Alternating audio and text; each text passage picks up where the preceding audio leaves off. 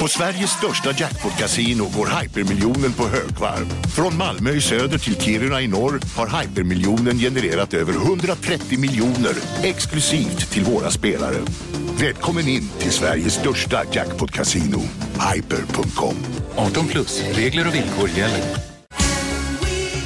Just nu till alla hemmafixare som gillar Julas låga priser. Ett borr och bitset i 70 delar för snurriga 249 kronor. Inget kan stoppa dig nu.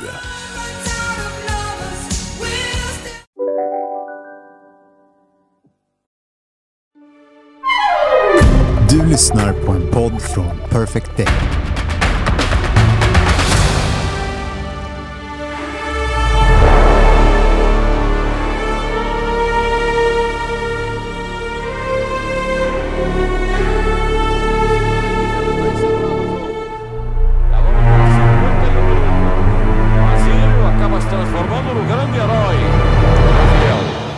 Det brukar sägas att när en tränare tappar omklädningsrummet så är det ett givet tecken på att han måste avgå.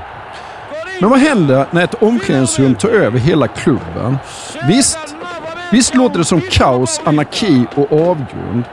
Men inget kunde vara mer fel när det gäller dagens lag som revolutionerade sin klubb, sin fotboll och även passade på att revolutionera sitt land.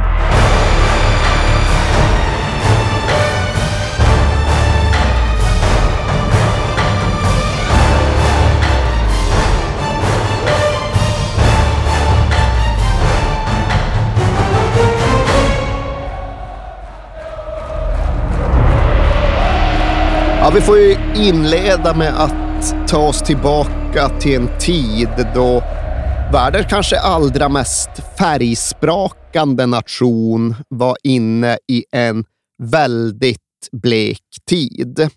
Och nu pratar vi slutet av 1970-talet och vi pratar naturligtvis om Brasilien. Ett Brasilien som då alltjämt var en diktatur.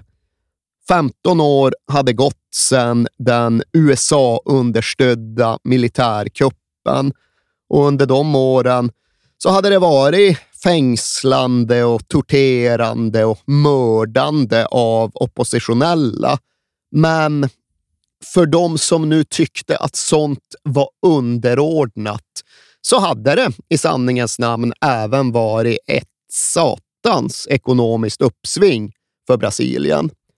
Men det var slutet av 1960-talet, början av 1970-talet. Sedan dess hade världen behövt hantera en oljekris och för Brasilien hade inte det gått något vidare. Så det ekonomiska undret, ja, det var över. Nu var det istället ekonomisk kris och det innebar bensinstationer med begränsade öppettider, en valuta, den gamla cruzeiron, som devalverades flera gånger om. Vi hade en inflation som redan var uppe över 50 procent. Och det här fick ju följden att livsvillkoren var helt omöjliga att få ihop för den stora breda massan av arbetande brasilianare. Och detta fick då konsekvensen att i maj 1978 ja, då påbörjades en stor våg av strejker i de industrialiserade förstäderna till Sao Paulo, de så kallade ABC-städerna, där B står för Sao Bernardo. Och i Sao Bernardo, ja, där fanns det ju en Saab Scania-fabrik och faktum är att den här omfattande, omvälvande strejkvågen, ja, den påbörjades på Saab Scanias fabrik Jaha. i Sao Bernardo. Jag vet inte fan ifall det är något att vara stolt Ja, över eller det- något att problematisera. Ja, jag tycker jag blir lite stolt över Ja, det kändes Ja. instinktivt som att man i alla fall hajade till när man förstod detta samband. Och det ska ju sägas att metallarna på Saab i Sverige, ja, de stod upp för den goda saken. De startade insamlingar i solidaritet och deras internationella sekreterare Torsten Wetterblad, han såg till att smuggla med sig pengarna i cash i resväskor och ta in dem till Brasilien. Och väl där så överlämnade han då slantarna och sedlarna till de strejkandes främsta företrädare. Och det var ju en herre som hette Lula och skulle låta höra talas om sig längre fram i historien. Men okej, okay, nu ska vi inte fastna i banden mellan brasiliansk fackföreningsrörelse och svensk arbetarrörelse. Riktigt ännu i alla fall. Vi ska bara konstatera att den här gnistan som startade på Saab Scania-fabriken i Sao Bernardo, ja, men den blev en eld som spred sig över i alla fall hela södra Brasilien. De tungt industrialiserade städerna i landets ekonomiska hjärta. För framme i mars 1979, ja, då rådde någonting som påminner om en generalstrejk där nere. Jag vet inte ifall jag har mandat att använda termen generalstrejk, för den kanske måste omfatta en hel nation. Men jag gillar att säga ordet generalstrejk? Ja. så därför beskriver jag detta som en sådan. Och när så gott som samtliga fabriker och industrier stod stilla i ett läge då den ekonomiska krisen redan var så gott som total. Ja, I ett sådant läge så fick den brasilianska militärjuntan lov att konstatera att slutet närmade sig och att det närmade sig ganska snabbt. Och var de inte redan övertygade om detta så blev de nog ännu mer inträngda i realiteten i samband med en fotbollsmatch mellan Bamseklubbarna Corinthians och Santos på Morumbi-stadion i Sao Paulo under precis de här veckorna. För där på läktaren, där dök det nu upp en ny banderoll med ett budskap som fram till och med detta hade varit helt otänkbart i ett och ett halvt årtionde. Men på den där banderollen stod det på portugisiska ungefär anistia, ampla geral e irrestrita. Och uttalet må svaja, men innebörden var i alla fall ett rop på amnesti. Omfattande, generell och oinskränkt amnesti. Och denna amnesti skulle då gälla regimens fiender. De oppositionella som hade fängslats eller fördrivits ut i exil. Och som om det inte vore nog att fabrikerna stod stilla, att eh, maskinerna hade tystnat, skulle nu generalerna och militärerna dessutom behöva få Brasiliens absolut starkaste och mest utbredda folkrörelse emot sig skulle de nu behöva hantera även fotbollen, ja, då skulle deras dagar obönhörligen vara räknade. För det var ju bara att kolla på Morumbi-stadion denna dagen. Det var väl 110 000 åskådare mm.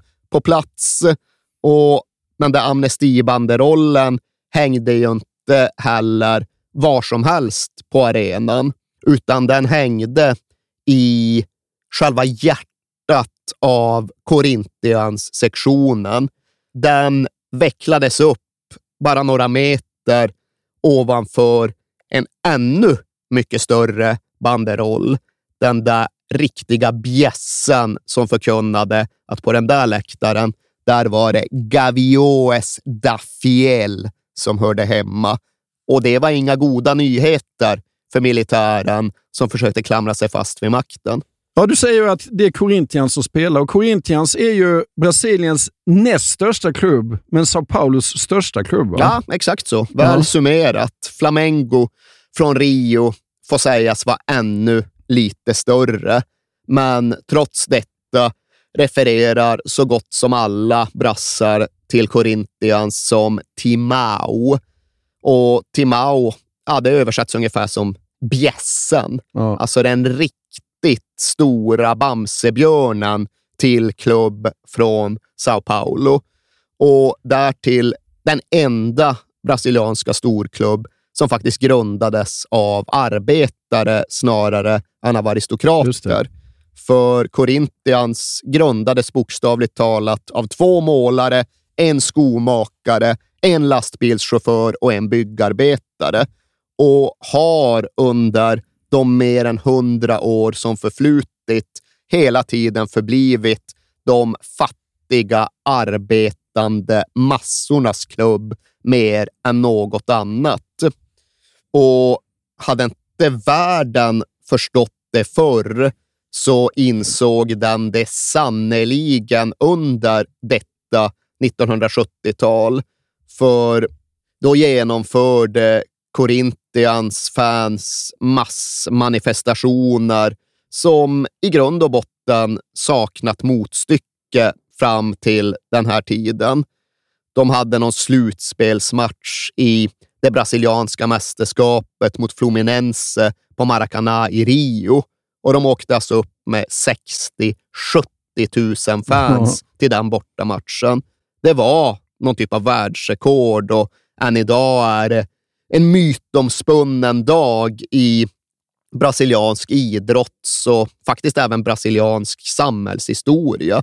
Det hade liksom inte hänt att en sådan folkvandring genomförts i något annat sammanhang. Men plötsligt var då 60-70 000 paulistas på plats i Rio för att vråla fram sitt fotbollslag, sitt Timau, mot då aristokratklubben Fluminense. E vamos torcer para que pare a chuva, para que esse público realmente festeje o futebol brasileiro. Walter Abraão. E aí está, senhores, o grande jogo iniciado. Já temos refletores acesos no Maracanã e voltou a chuva. Och allt detta hade då iscensatts och orkestrerats av supportersammanslutningen, paraplyorganisationen Gavioes da Fiel, de trogna hökarna som vakar över sitt Corinthians och som är en supportersammanslutning som egentligen inte går att jämföra med någonting som finns här i Europa. För själva vidden, själva omfattningen av institutionen Gavioes da Fiel är faktiskt svår att ta in. Ja, alltså de håller på med samba och sådär också va? Ja, alltså det gör de och det är en stor sak i Brasilien, Ja. för de är ju så extremt fästa vid sina karnevaler och vid tävlandet som det innebär att ha en sambaorkester och för den delen en gigantisk kostymering i spel i Ja. anslutning till karnevalen. Det är ofta någonting som det rapporteras mycket om också för att det är så jävla visuellt och spektakulärt. Men det är väl inte det jag tycker är så där särskilt viktigt med Gavioes da Fiel, utan det som bär all betydelse, det är det faktum att det i grund och botten främst handlar om någon typ av social rörelse. Och det är inte orättvist att påstå att Gavio Estafiel själva på många sätt är en mycket starkare institution än fotbollsklubben de stöttar. Det har i alla fall funnits perioder i historien då Gavio Estafiel har varit en klart starkare samhällsaktör än själva Corinthians.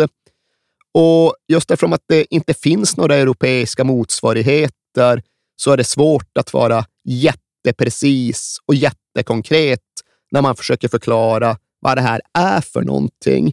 Men det är någon typ av väldigt svårbegriplig korsning mellan Hells Angels och Lottakåren.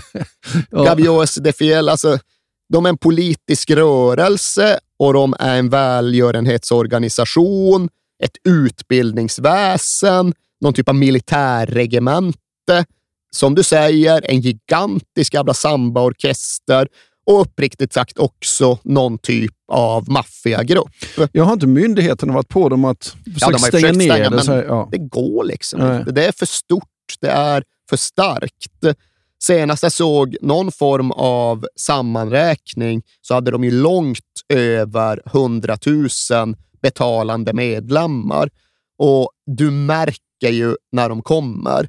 De är ju alltid på plats. Det spelas ju inte en Corinthians-match utan att någon Gavio Estafiel banderoll hänger uppe. Jag tror äh, det var så förr och därför är det säkert så nu också.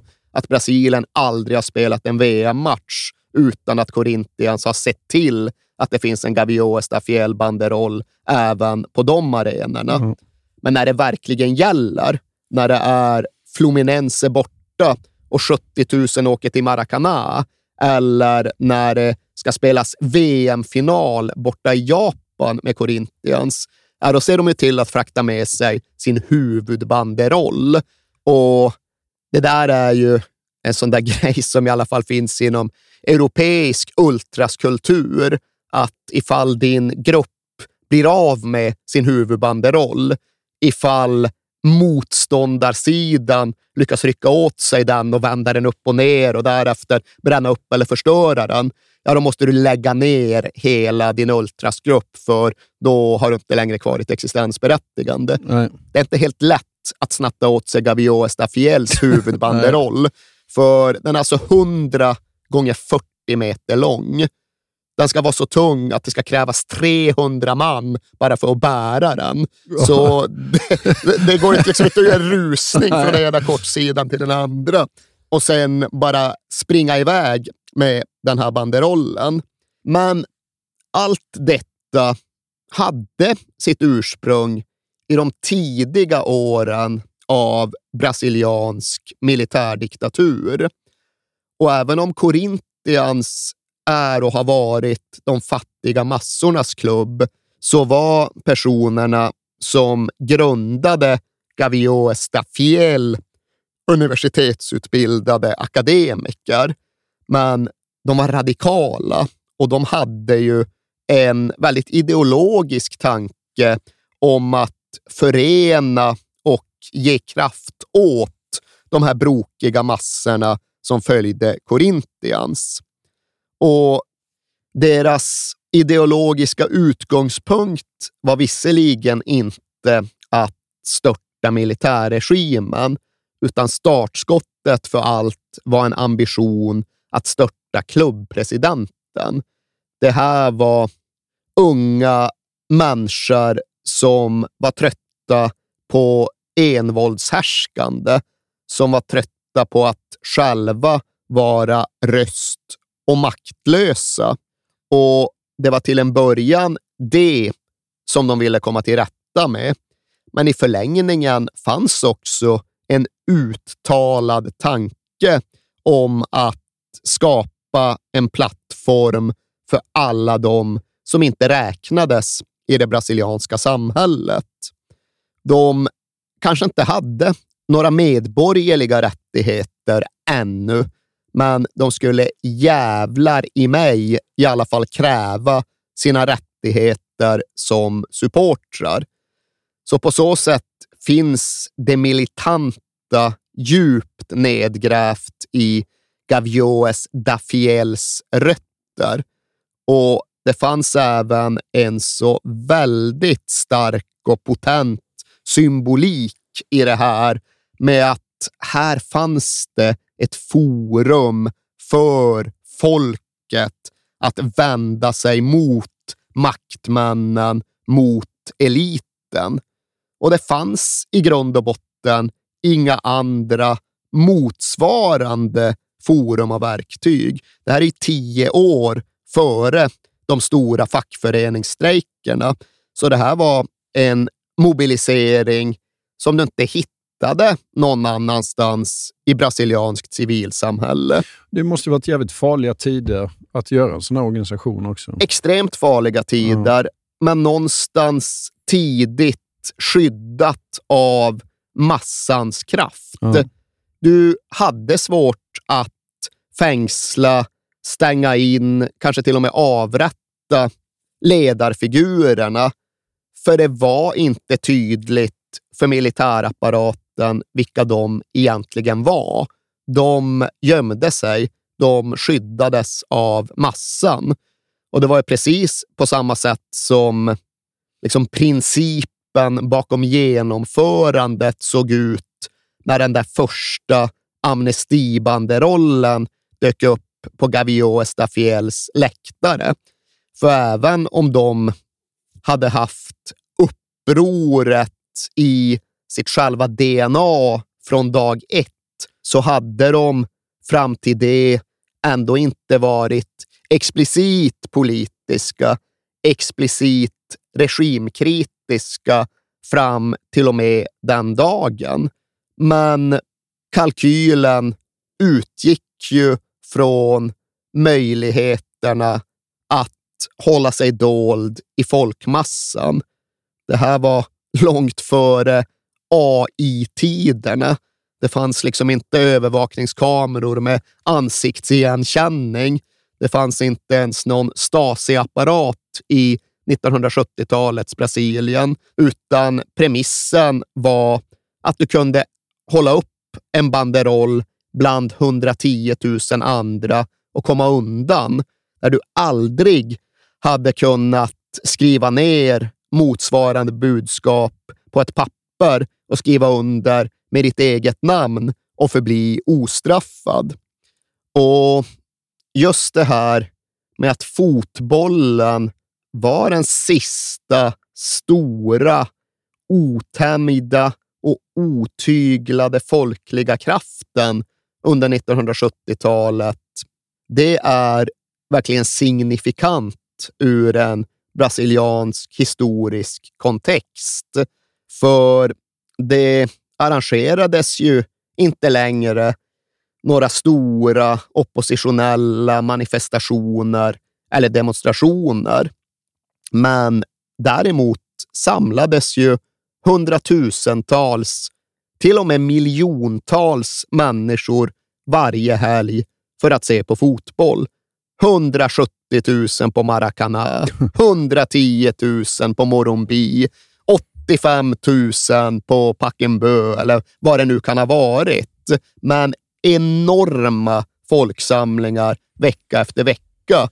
Och militärerna och generalerna var inte dumma. De begrep ju att det här var ett vilande, men potentiellt kraftfullt hot mot dem.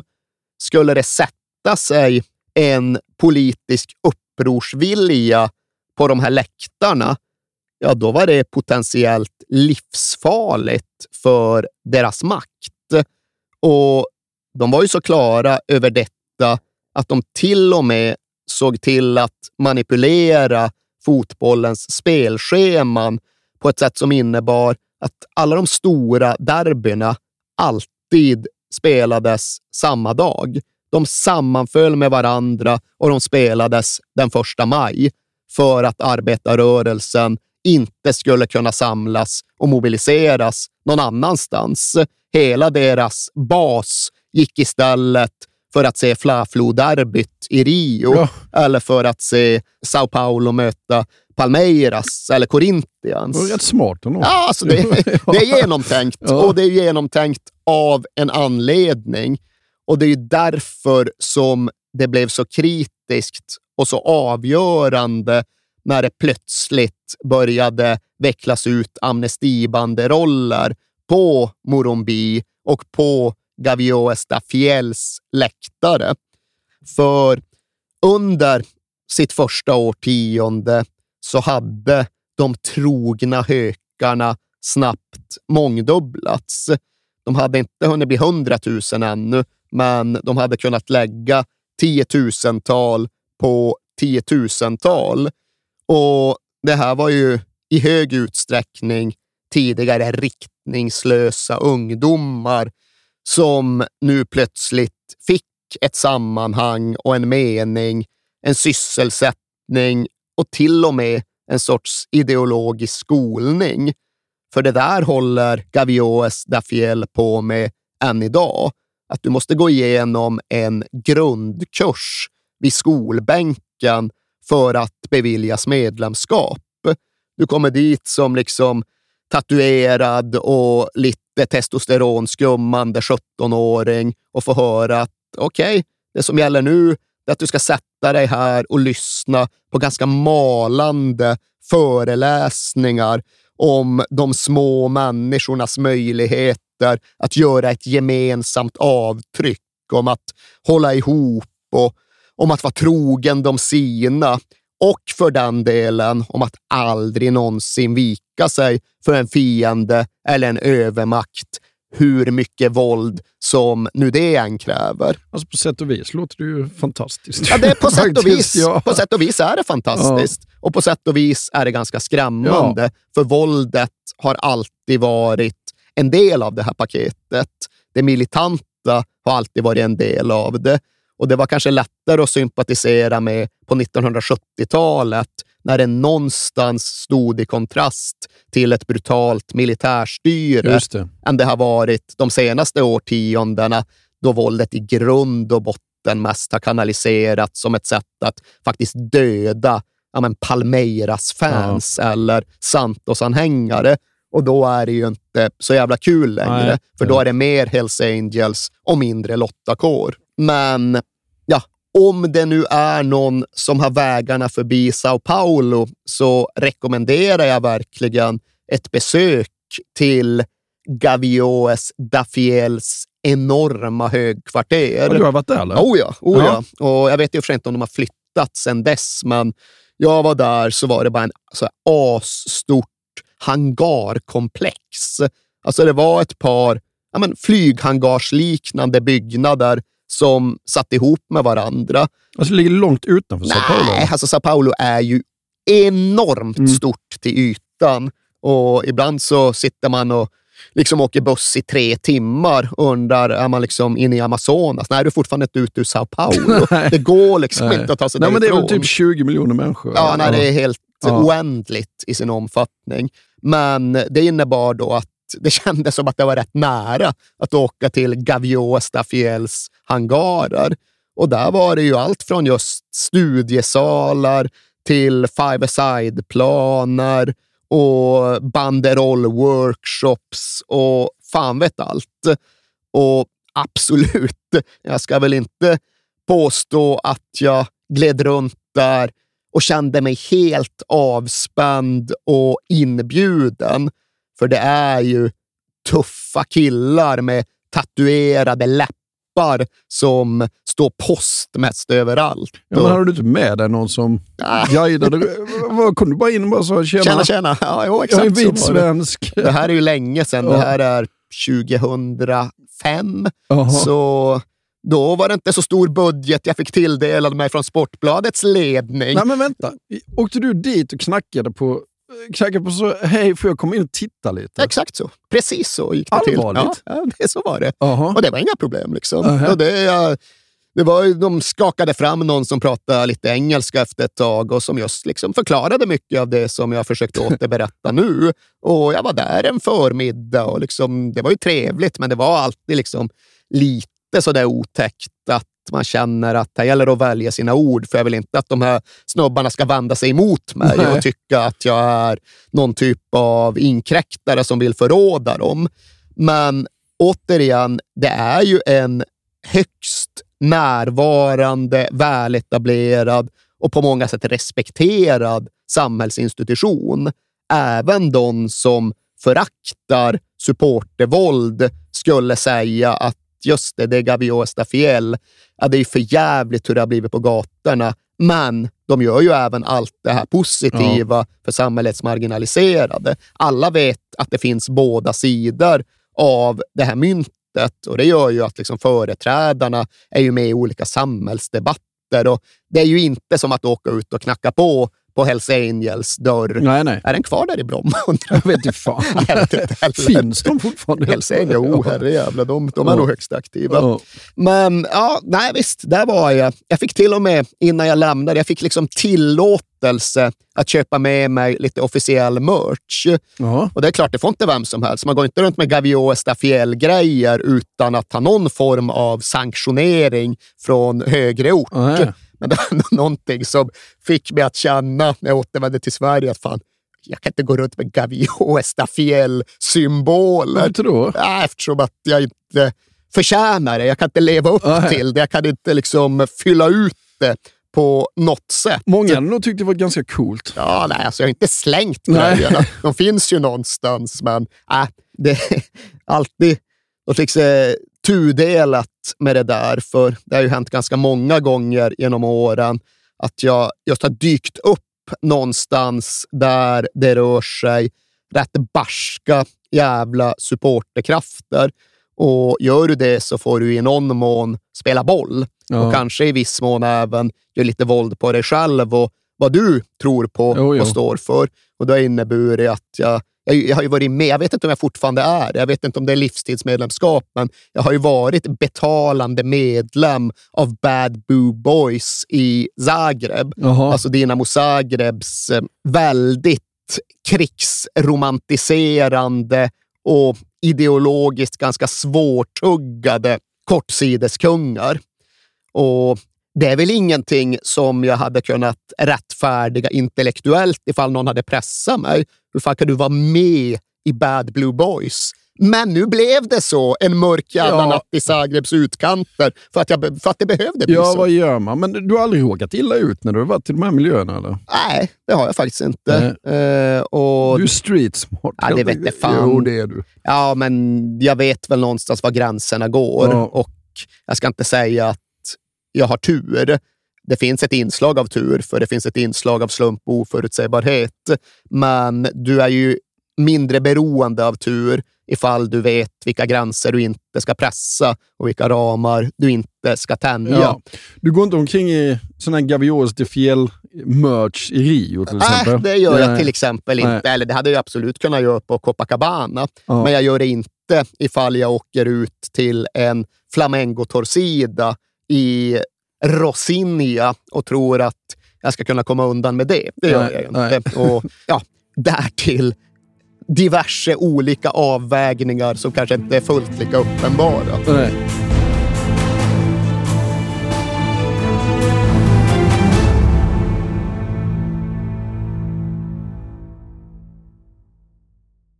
Jag vill inleda med att säga att det är garanterad jackpot på 13 miljoner på Stryktipset. Och fy fasen. Ja. Ja, visst. Skulle du behöva 13 miljoner eller? det skulle jag verkligen. Men vi måste säga först att vi är ju sponsrade av Stryktipset. Ett spel från Svenska Spel, Sport och Casino för dig över 18 år. Yes, och stödlinjen.se finns där för dig om du har problem med ditt spelande. Nej, men 13 miljoner jackpot på Stryktipset, det är ju inte fel. Nej, då är det faktiskt dags att ladda en rejäl rad här känns det som. Mhm. Vet du vad som inte heller är fel? Nej. Födelsedagsfirandet och alla härliga Mm. historier vi får in. Exakt, Mm. för vi är ju mitt inne i Stryktipsets 90-årsfirande som vi firar med att läsa upp fantastiska historier från våra lyssnare Yes. som skickar in dem till kings at perfectdaymedia.se. Precis, bomba på nu. Det är åtta månader kvar på det här firandet, så att, eh, vi kör nu. Mycket Stryktipshistorier vill vi ha Mm. och i dagens har vi fått från Peter som skriver så här. Hej på er och tack för en helt otrolig podcast. Den har räddat mina veckor i snart fyra år. Tack så mycket Peter.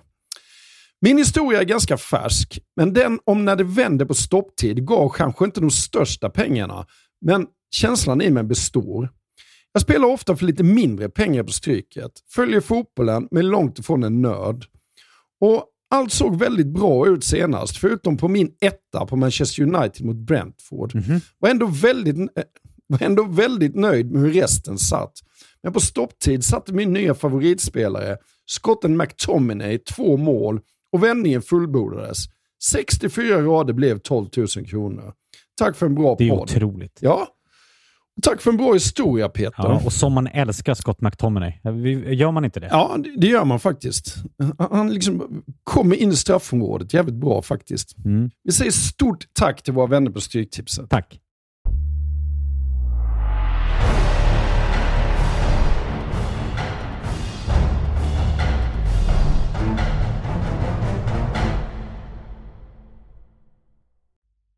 Det är dags att introducera den stora förgrundsfiguren i det här avsnittet. Och han är ju en barndomshjälte och han blir inte mindre hjälte efter att man har börjat läsa på om honom.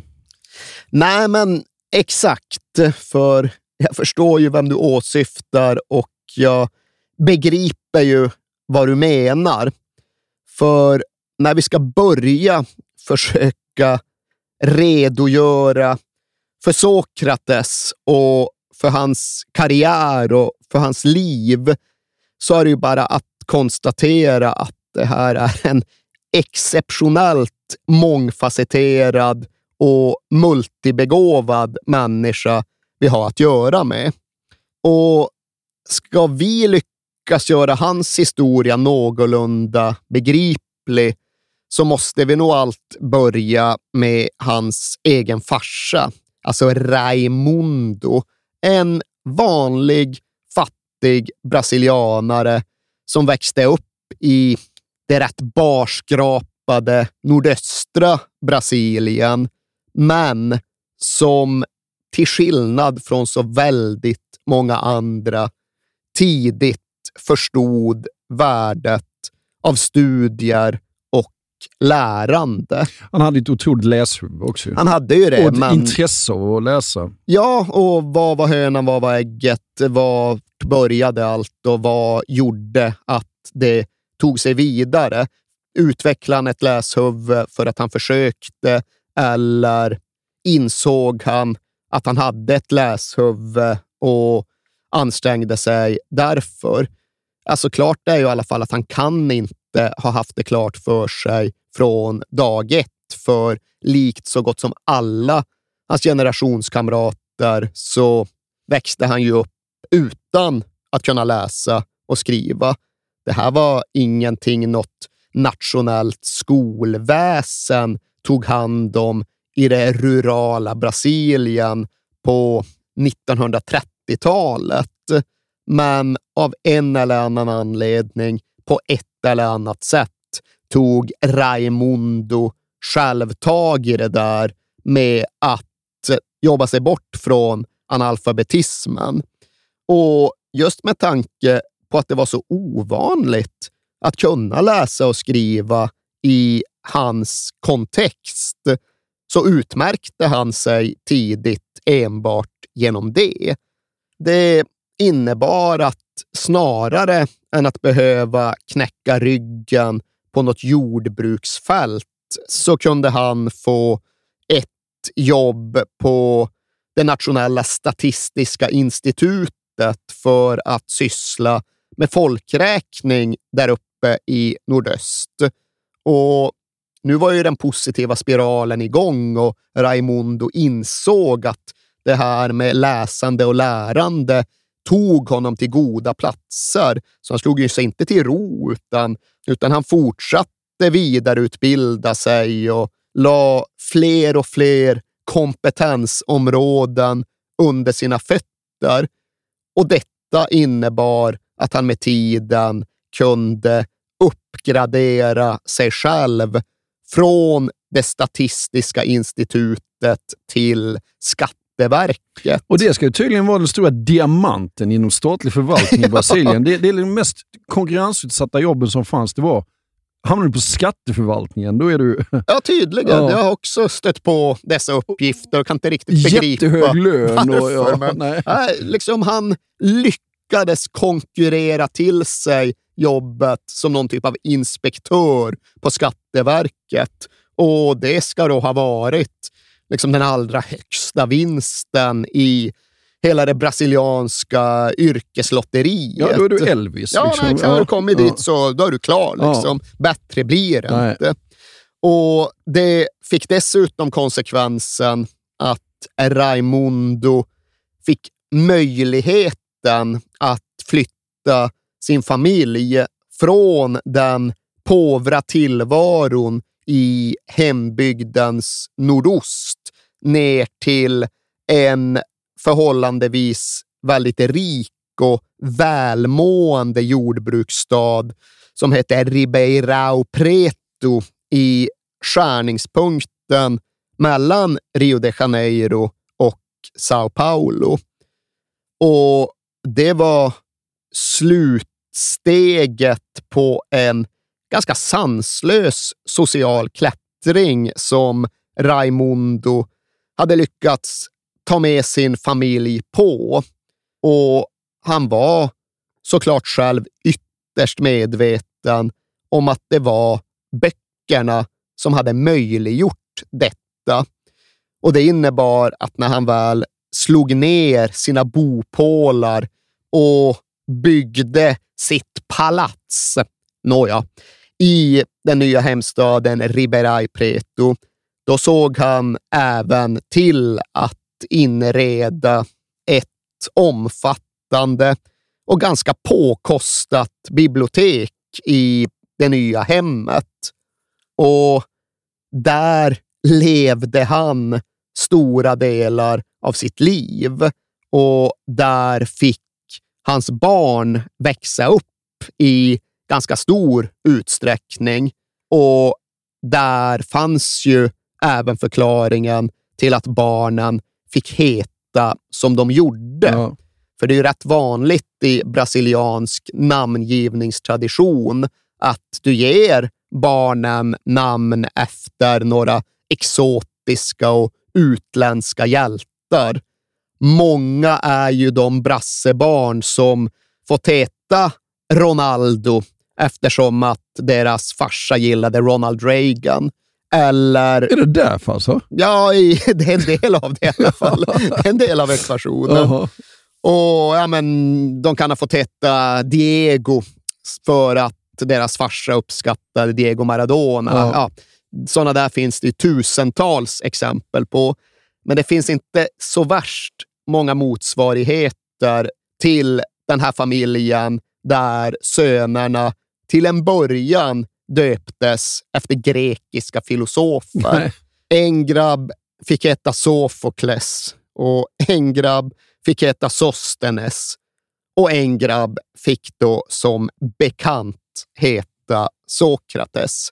Och sen var det väl som att farsan själv tröttnade eller om det var så att frun protesterade eller om det var så att inspirationen och filosoferna tog slut. Men sen var det ju även flera söner som fick mer vardagliga namn. Till exempel Rai, som skulle låta höra talas om sig. Som inte var så dålig spelare. Nej. nej. som ju blev världsmästare, ja. till skillnad från vissa andra i den här berättelsen. Ja. Men äldst i syskonskaran, i alla fall den här grabben, som hette Sokrates och som till en början kanske främst uppskattade fotbollen för att den vidgade hans vyer och gav honom inblick i en annan värld, den vanliga brasilianarens värld.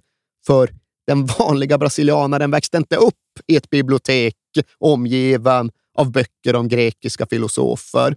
Och det insåg Sokrates egentligen först när han började spela fotboll och började umgås med sina lagkamrater och började åka med dem till och från bortamatcher på något skumpigt lastbilsflak förbi de fattigas fält.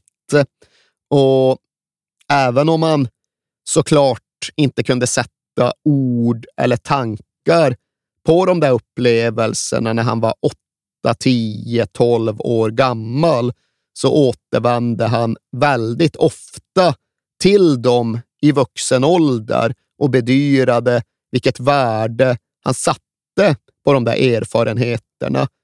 Fotboll är så demokratiskt, brukade han ju upprepa och det syftade ofta på hans egen bild av hur sport sporten kunde föra samman biblioteksbarnen med barfotaungarna på ett sätt som nästan inget annat i Brasilien klarade av att göra.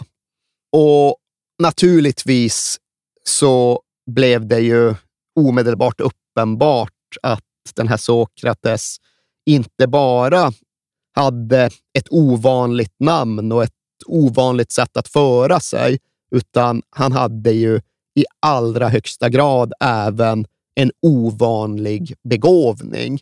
Så han fick såklart inte bara acceptans, utan han fick ju en väldigt hög status bland sina jämnåriga lagkamrater.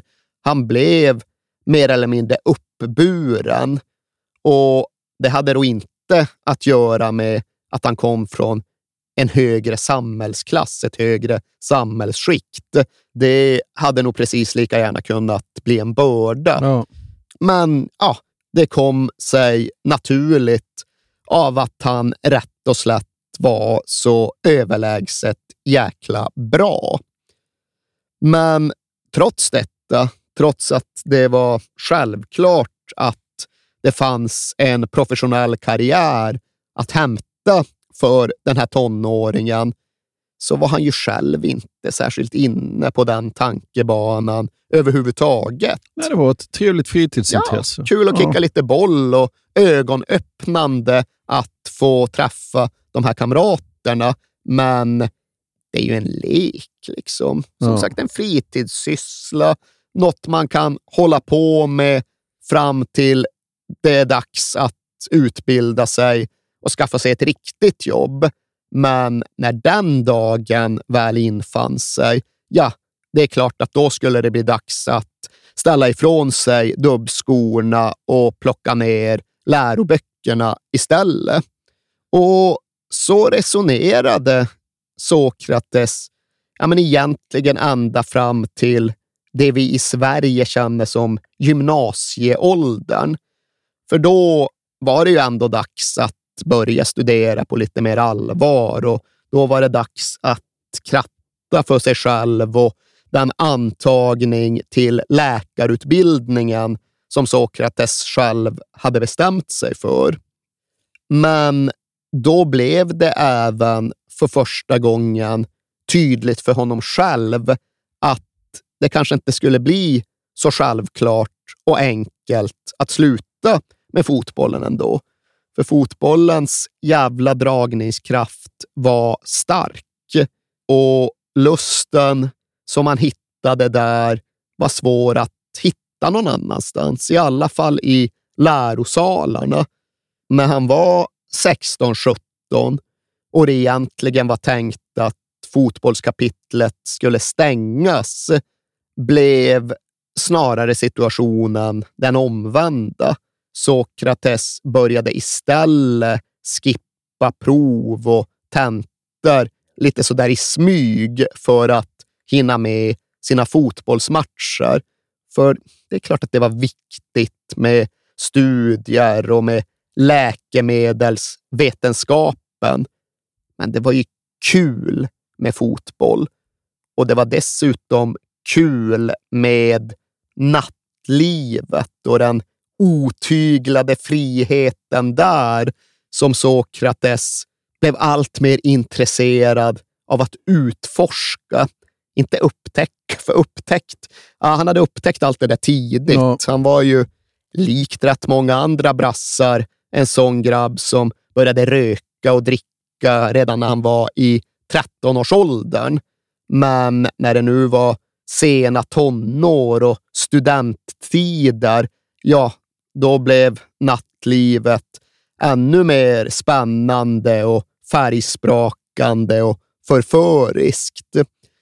Och där någonstans stod han då när han skulle fylla 20 och börja bli vuxen.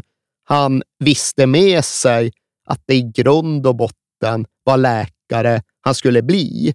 Och det var inte bara så att hans farsa piskade honom i den riktningen, utan det var hans egen uppriktiga grundkänsla att det är klart att jag ska bli läkare, för det är på riktigt. Men samtidigt var det ju så förbaskat kul med fotbollen och där erbjöds det ju heltidskontrakt och därutöver så var det ju nästintill ännu jävla roligare med barerna och tjejerna och nattlivet. Så det var inte heller beredd att avstå. Och det fick konsekvensen att Sokrates rätt och slätt bestämde sig för att försöka och för den delen även klara av en massa olika parallella liv och krav på en och samma gång.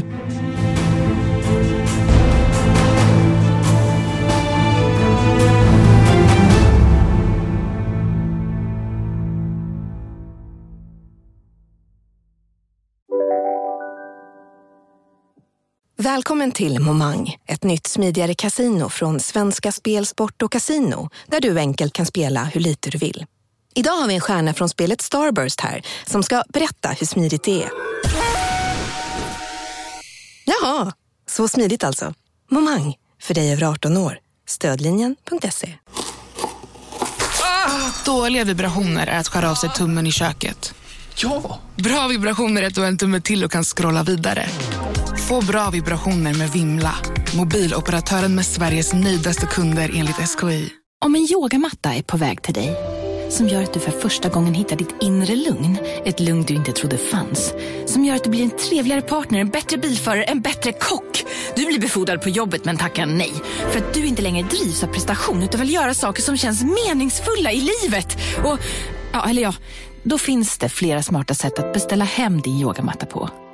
Som till våra paketboxar placerade på en plats nära dig och tillgängliga dygnet runt. Hälsningar Postnord. Ja, det är liksom det, det är det första som slår en som är helt otroligt. Det är liksom att alla vill att han ska spela fotboll. Och det, det gör han lite sådär på, ja, för att han tycker det är lite roligt. Sen röker han som en borstbindare. Ja. Han dricker öl hela tiden. Han är ute så mycket som möjligt. Och lägg till då att han har den tuffaste akademiska utbildningen som går att få ja, men, parallellt. Eh, ja, en, verkligen en multimänniska. Ja. För precis som du är inne på, en exceptionell fotbollstalang med ett exceptionellt läshuvud och för den delen en rätt exceptionell förmåga som festprisse. Och allt detta under en exceptionell tid i Brasilien. Ja, just det.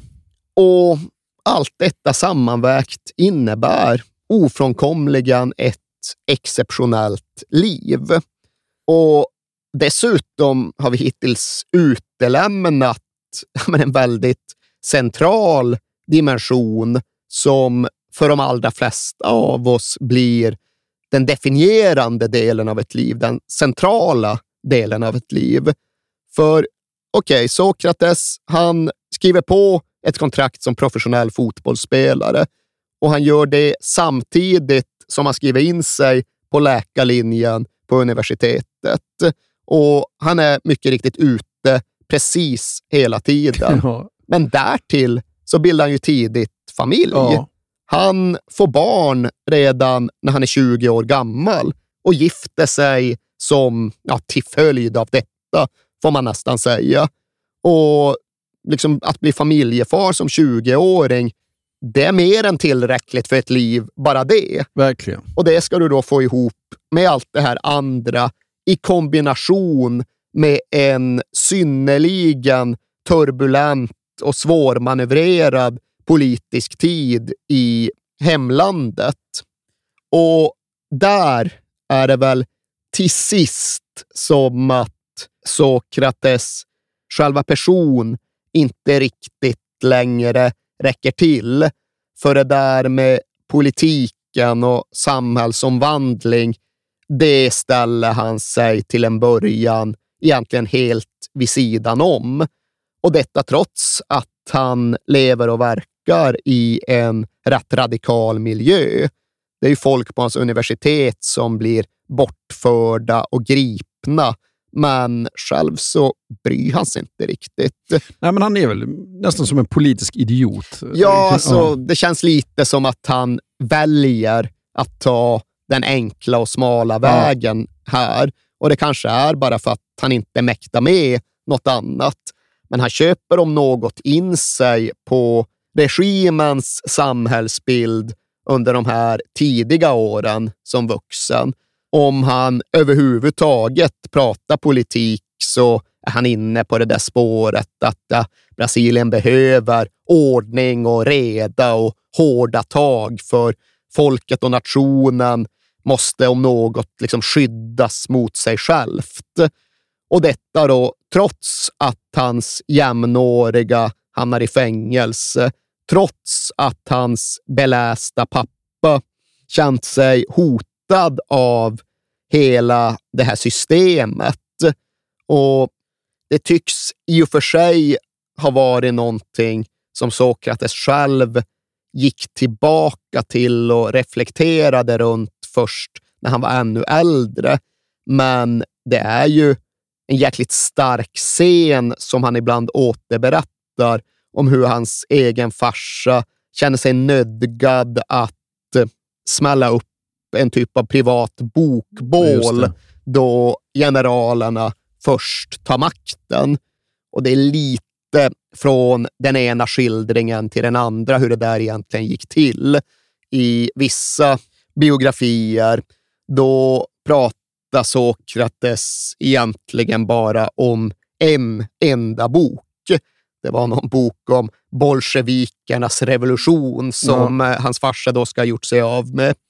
Men när han minns vid andra tillfällen, ja då är det ett helt halvt bibliotek och ett bokbål vars flammor måste ha synts halvvägs till Fortaleza, för då ja. är det Marx och Engels ja, och Gramsci ja, och, liksom all politisk teori. Jag läste också att han var väldigt intresserad på se, alltså när han blev lite äldre. Och vilka böcker var det egentligen du brände? För nu vill jag läsa dem. Ja, han blev kittlad av det förbjudna på något sätt.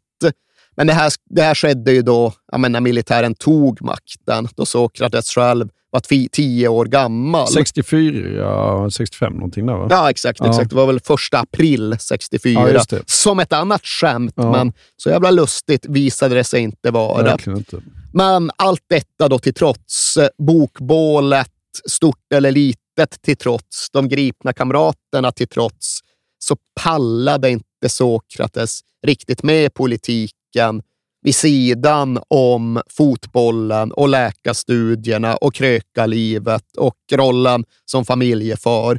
Utan det där fick, lov, det fick lov att komma lite senare. Ja, och han hade väl i sitt kontrakt också att han inte behövde träna så mycket med laget, eller träna alls nästan med laget. Nej, det verkade vara mer eller mindre frivilligt. Ibland dök han upp, ibland struntade han i det. Rätt ofta släntrade han in bakfull och liksom tränade ja, men när han kände för och när han pallade. Och så kom han undan med allting eftersom att han då bevisligen var så jävla, jävla bra. Ja. Och laget han spelade för under den här perioden, det var ju då Botafogo. Ja. Men alltså inte stora Botafogo från Rio de Janeiro, ja, utan lilla Botafogo från hemstaden Ribeirão Preto. Det är Botafogo som i brasiliansk fotbollsdialog alltid refereras till som Botafogo SP, alltså Botafogo från delstaten Sao Paulo. Ja. Och Det är inget byagäng, det är en riktig professionell fotbollsklubb, men ändå en lilleputt i relationen till de riktiga bjässarna inne i storstäderna. Om Corinthians var AIK så var väl Botafogo SP typ Enköping eller något i den stilen. Men med denna bakfulla, distraherade mittfältsfilosof i laget, ja, då gjorde ju plötsligt Enköping avtryck. Vi ska inte ge oss in på att försöka dechiffrera den brasilianska seriepyramiden Nej. och det brasilianska säsongsupplägget i detalj den här gången. Där har vi varit förr. Ja.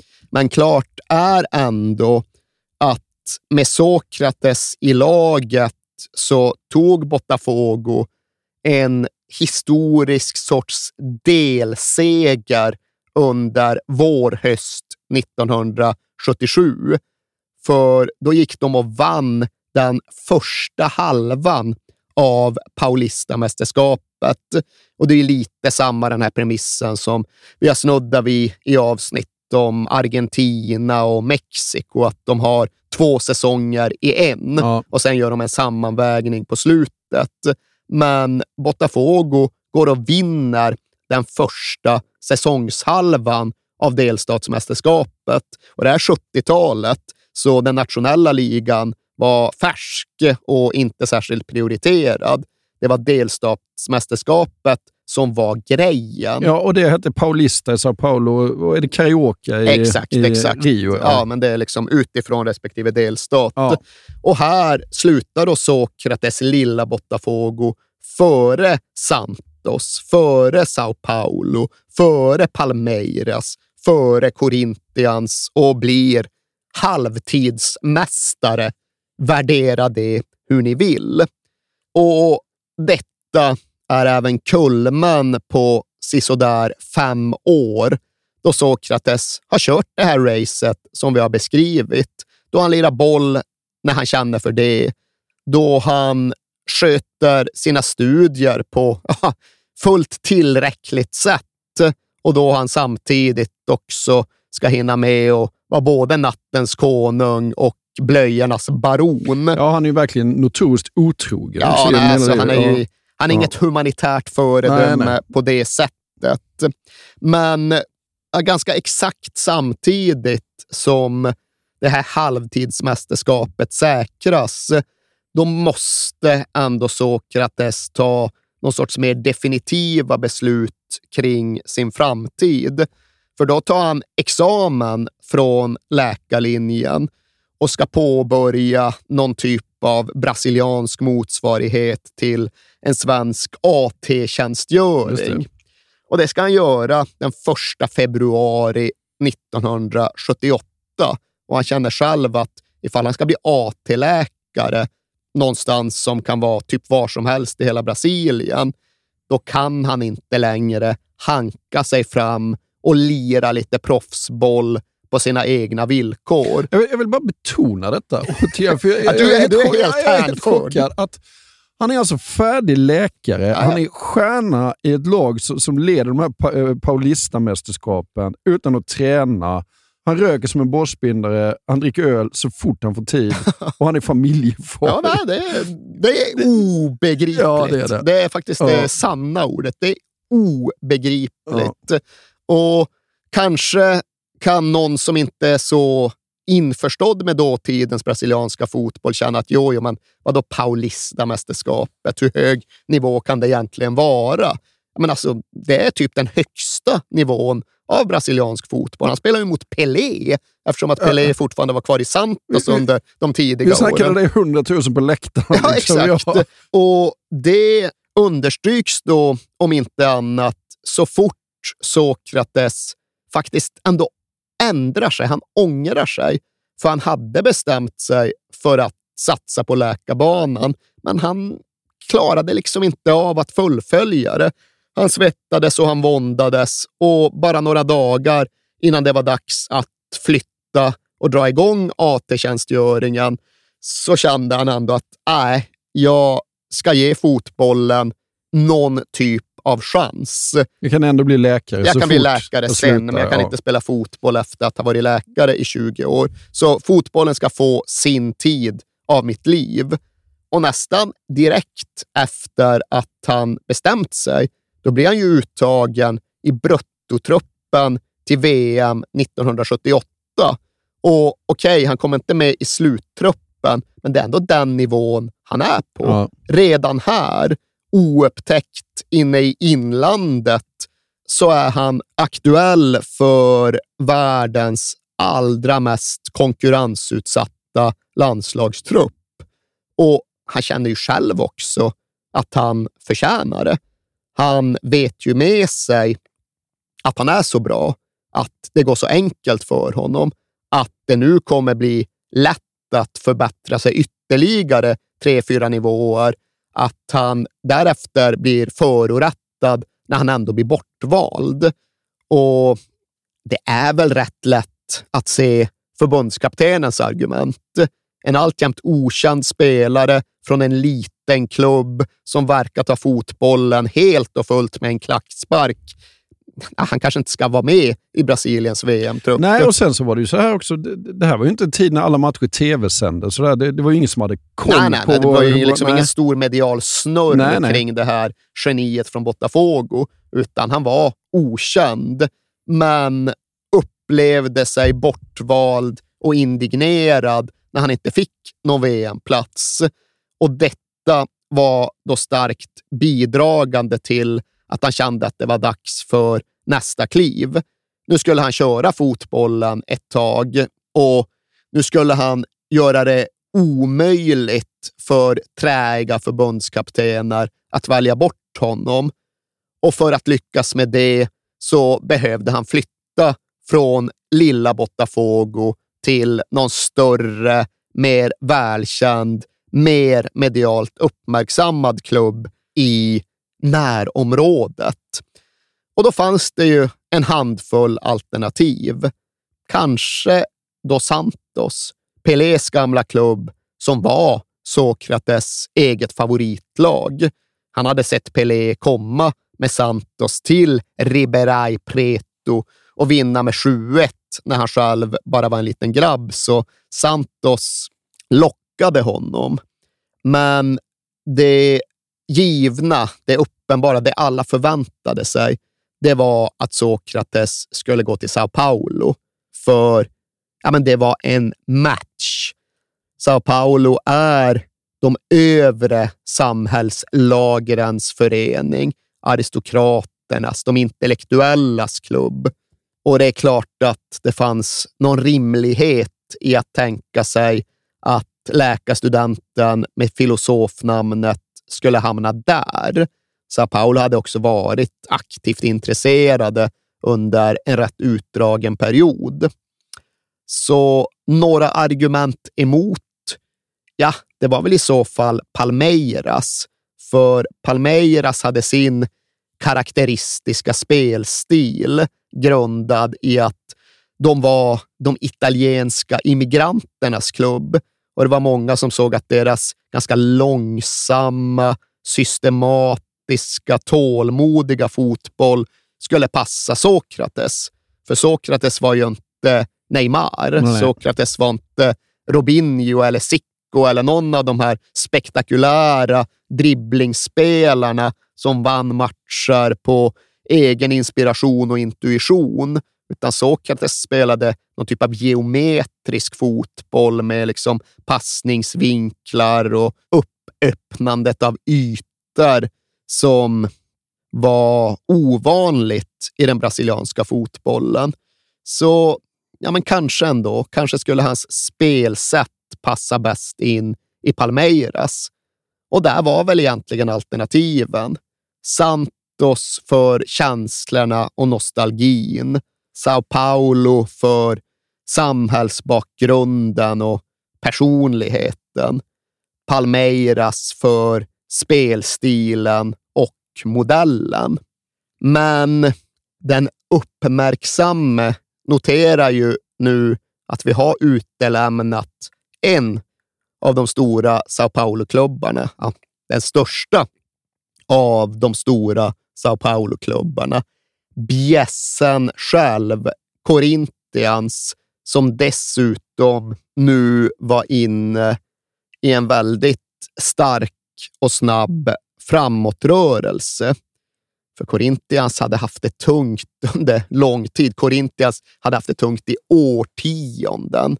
De hade inte vunnit det här prestigefyllda Paulista-mästerskapet sedan början av 1950-talet.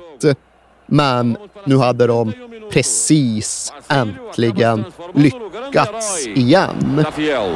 Houve o toque do lateral esquerdo Ângelo. Acabou! Terminou!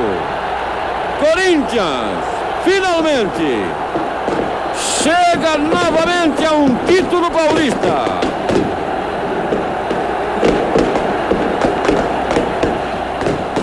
Det fanns slitningar i Corinthians. Det fanns slitningar mellan kanske främst styrelserummet och ståplatsläktaren. Men det fanns också en jävla styrka och kraft på båda de här ställena. Liksom maktmannen i styrelserummet, klubbpresidenten Vicente Matteus, det var en stark jävla karaktär. Du vet vad han kallades, va? Eh, Brasiliens Idi Amin. Ja. ja, jag har noterat detta. Jag har läst om Vicente Matteus och konstaterat att det här är nog en gubbe som Håkan kan uppskatta. Absolut. Asfaltskungen. Ja, varför var han inte en gruvbaron också? Ja, det är möjligt, men det var framförallt asfalt vad jag kunde läsa. Okej, okay. ja. ja, det kanske då går i linje med en supporterskara som inkluderade många asfaltsarbetare. Ja. Eller det medförde kanske att konflikterna från arbetsveckorna följde med in i fotbollshelgerna.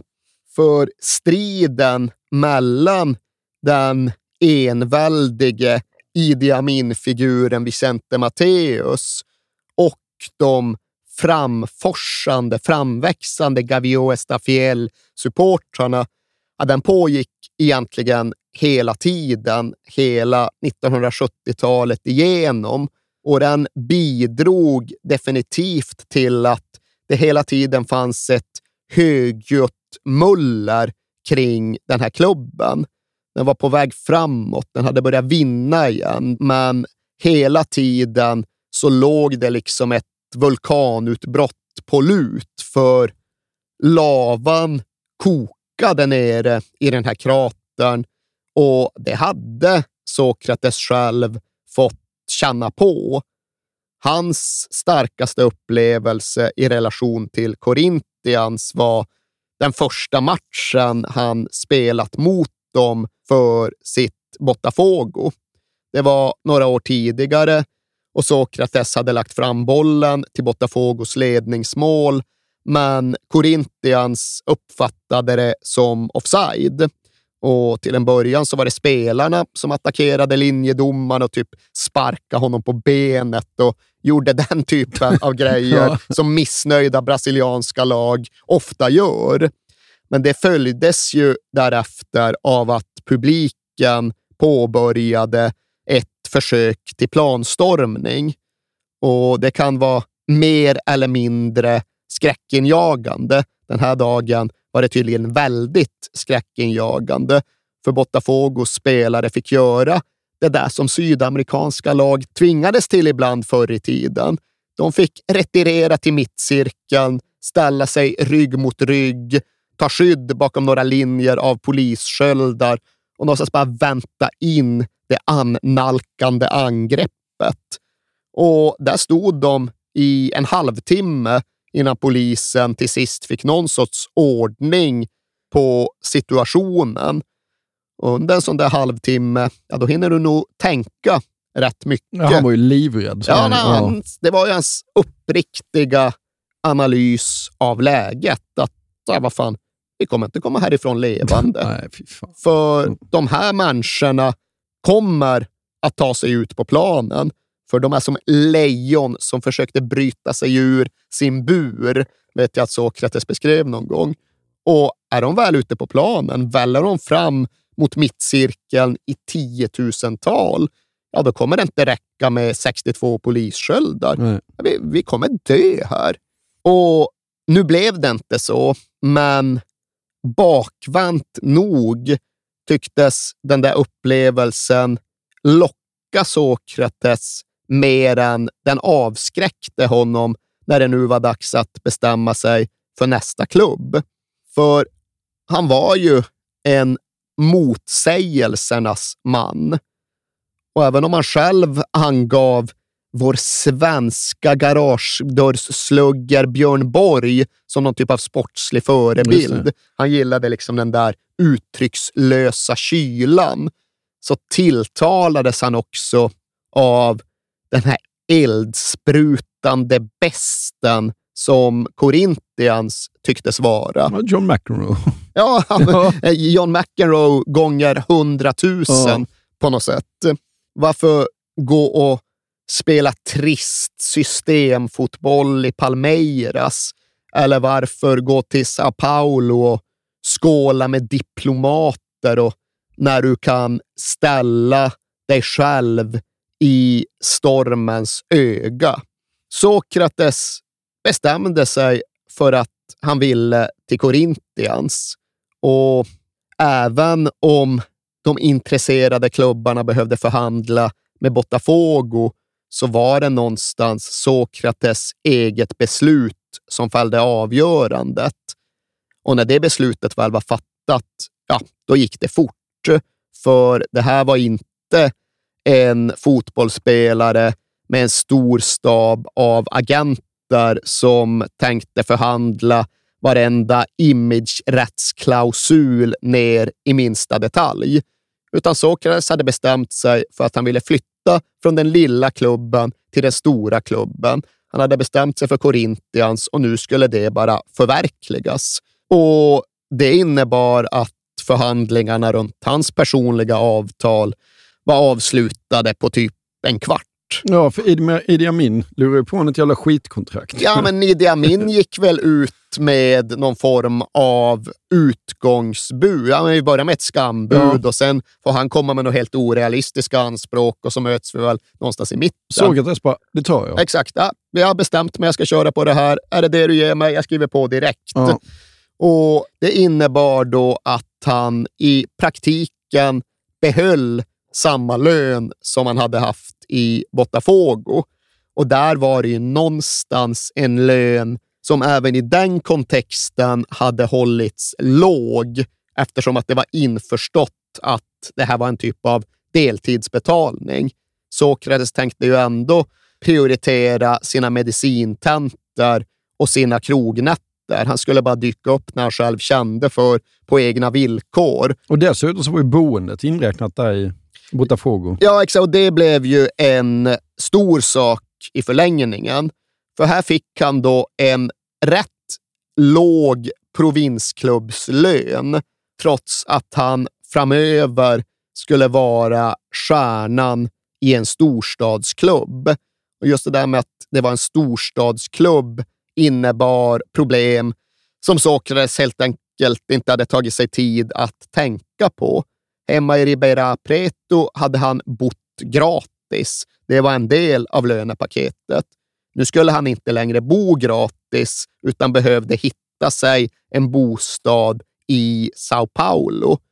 Och en bostad med hyfsad standard i Sao Paulo, ja, redan den var så dyr att den svalde mer än hälften av Sokrates lilla grundlön.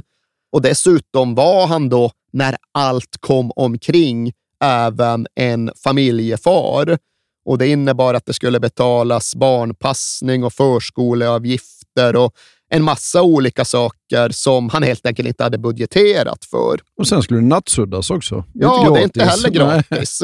I synnerhet inte om du går ut med dina nya lagkamrater som alla tjänar fem, sex gånger så mycket som du gör. Nej.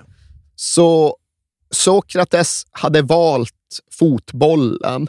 Han hade valt storklubben och landslagsframtiden framför medicinen. Men han hade också valt ett nytt liv i någon sorts relativ fattigdom. Han fick liksom kämpa precis varenda månad för att ekonomin överhuvudtaget skulle ha en chans att gå ihop. Och det gjorde den typ inte. Det enda som möjliggjorde det överhuvudtaget var ett personligt sponsoravtal med den förträffliga sportfirman Topp Ja. Men inte ens de stålarna räckte ju, utan varje vecka så fick hans farsa, vår gamla kompis Raimundo, sätta sig i bilen från Riberai Preto och köra typ 30 mil till Sao Paulo med bagageluckan fylld av mat och förnödenheter. Och även om det var Sokrates själv som hade accepterat det här upplägget, som hade skrivit under det här avtalet, så födde det en känsla av orättvisa i honom som fanns med från i stort sett första dagen i Corinthians. Han debuterar mot Santos i Paulista-mästerskapets första omgång. Det är 117 000 på Morumbi och han får typ promenera hem från matchen för att han inte har råd med transport och gå och lägga sig hungrig för att han inte har råd med mat. Ja, det och det är klart att ja, den ekvationen, den håller ju inte ihop.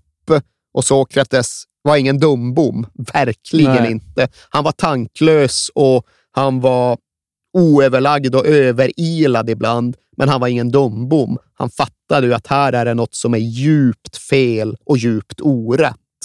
Ja, han är uselt betald, men han är ändå en spelare av landslagsklass. Ja, det gör ju bara den här känslan av orimlighet mycket starkare.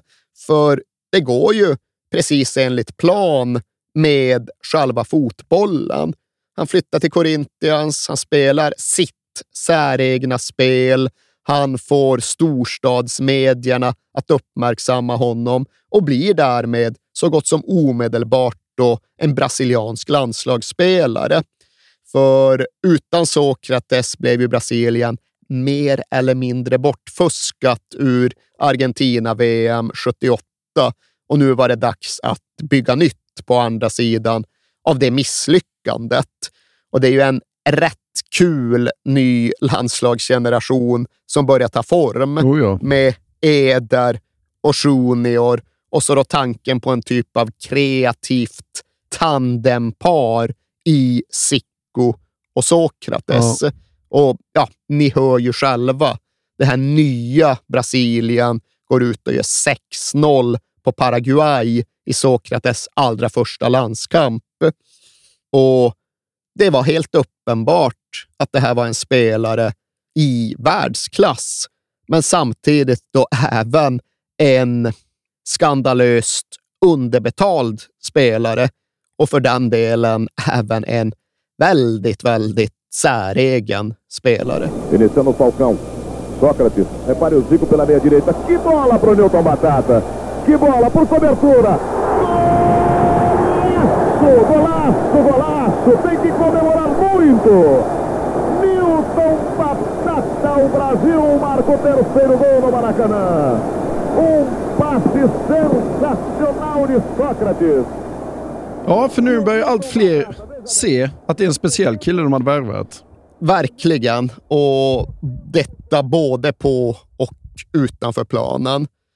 Liksom 1,91 lång, 38 i skostorlek, yvigt hår, tätvuxet skägg. Han såg ju iögonfallande ut och han spelade på ett sätt som egentligen ingen hade gjort tidigare, brasilianare eller inte. Han hade ju klacksparken som någon typ av signaturmove och han tyckte tycktes behärska en typ av 360-blick som fick honom att spela i alla riktningar samtidigt. Han använde vristen och bredsidan som alla andra, absolut. Men han använde även klacken och fotknölen och bollskons samtliga delar. Han såg vinklar där inga andra uppfattade dem och Pelé, som snabbt blev en stor beundrare, upprepade gärna det där om att Sokrates med sina klacksparkar, alltså, han är bättre när han spelar baklänges än så gott som alla andra är när de spelar rättvända. Och han hade då sin längd och sin resning och sin hållning som gjorde så att han verkligen utstrålade dominans och överlägsenhet på planen. Det var någon som beskrev det som att han hade en spelstil som utstrålade moralisk auktoritet. Ja. Och jag förstår verkligen Ja, jag vad som åsyftas där. Men det är ju ändå bara en liten del av helhetspaketet Sokrates. För även om karriären var satt på is så levde han ju inte ett liv där dagarna började och slutade med träningspasset, utan han fortsatte vara obrydd, han fortsatte dricka, han fortsatte vara rätt fram och brutalt ärlig gentemot alla i sin omgivning. Och detta trots att han såklart också tvingades konstatera att fotboll i Corinthians var något helt annat än fotboll i lilla Botafogo.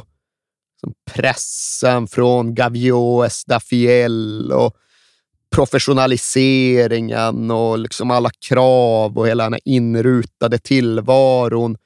Helt annan ram med mycket mycket större krav och mycket mindre frihet och något som Sokrates var rätt illa lämpad för och som han reagerade emot. Och till att börja med så ja, såg han till att liksom koppla ur telefonen ur lägenheten där han bodde bara för att han inte pallade med att det skulle ringa en massa folk och störa hela tiden. Men sen var det nästan snarare som att reaktionen blev att kämpa emot den här nya verkligheten snarare än att anpassa sig efter den. För den stora staden rymmer även ett stort nattliv och Sokrates försökte aldrig dölja att han rörde sig ute i det här nattlivet.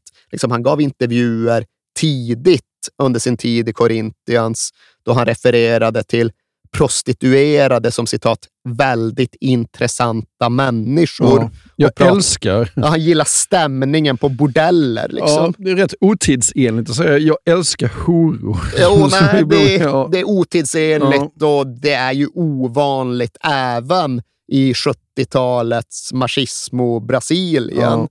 Men han var ju inte så här grabbarnas grabb, kara-karan, som bara skulle skrocka om sina erövringar i omklädningsrummet. Utan han hade ju hela tiden den här högkulturella auran och han försökte introducera böcker för sina lagkamrater och fri från medicinska studier började han istället investera rätt mycket fritid i att lära sig spela gitarr. För ah, han, musik, han var ju en musikman, han älskade musik. Ja. Och piano hade han försökt tidigare utan att lära sig att behärska. Men gitarren föll sig mer naturligt för honom. Och det hade inte gått lång tid innan han skulle in i studion för att spela in en LP med brasiliansk sertanejo-musik, någon sorts liksom landsbygdsmusik som han då tyckte sig vara lämpad för att föra vidare till massorna. Achando a moça tão bela, o rapaz falou pra ela: Quero ser o seu amor, ai ai.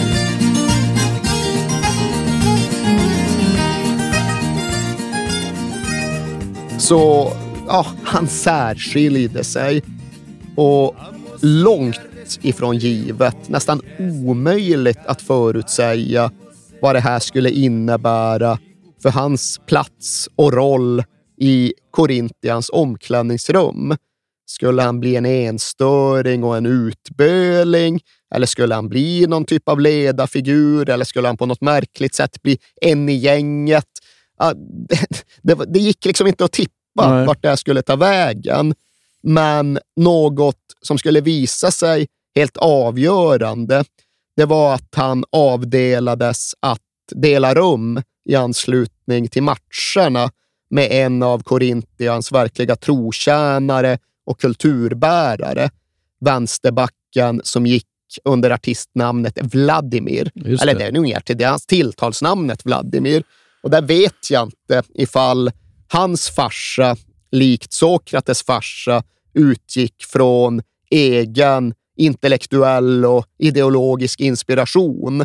Sokrates fick namnet efter en grekisk filosof. Jag vet inte om Vladimir fick namnet efter någon rysk revolutionär. Han var ju väldigt vänster. Ja, det är inte ja, otänkbart med tanke på vilken man han skulle komma att bli.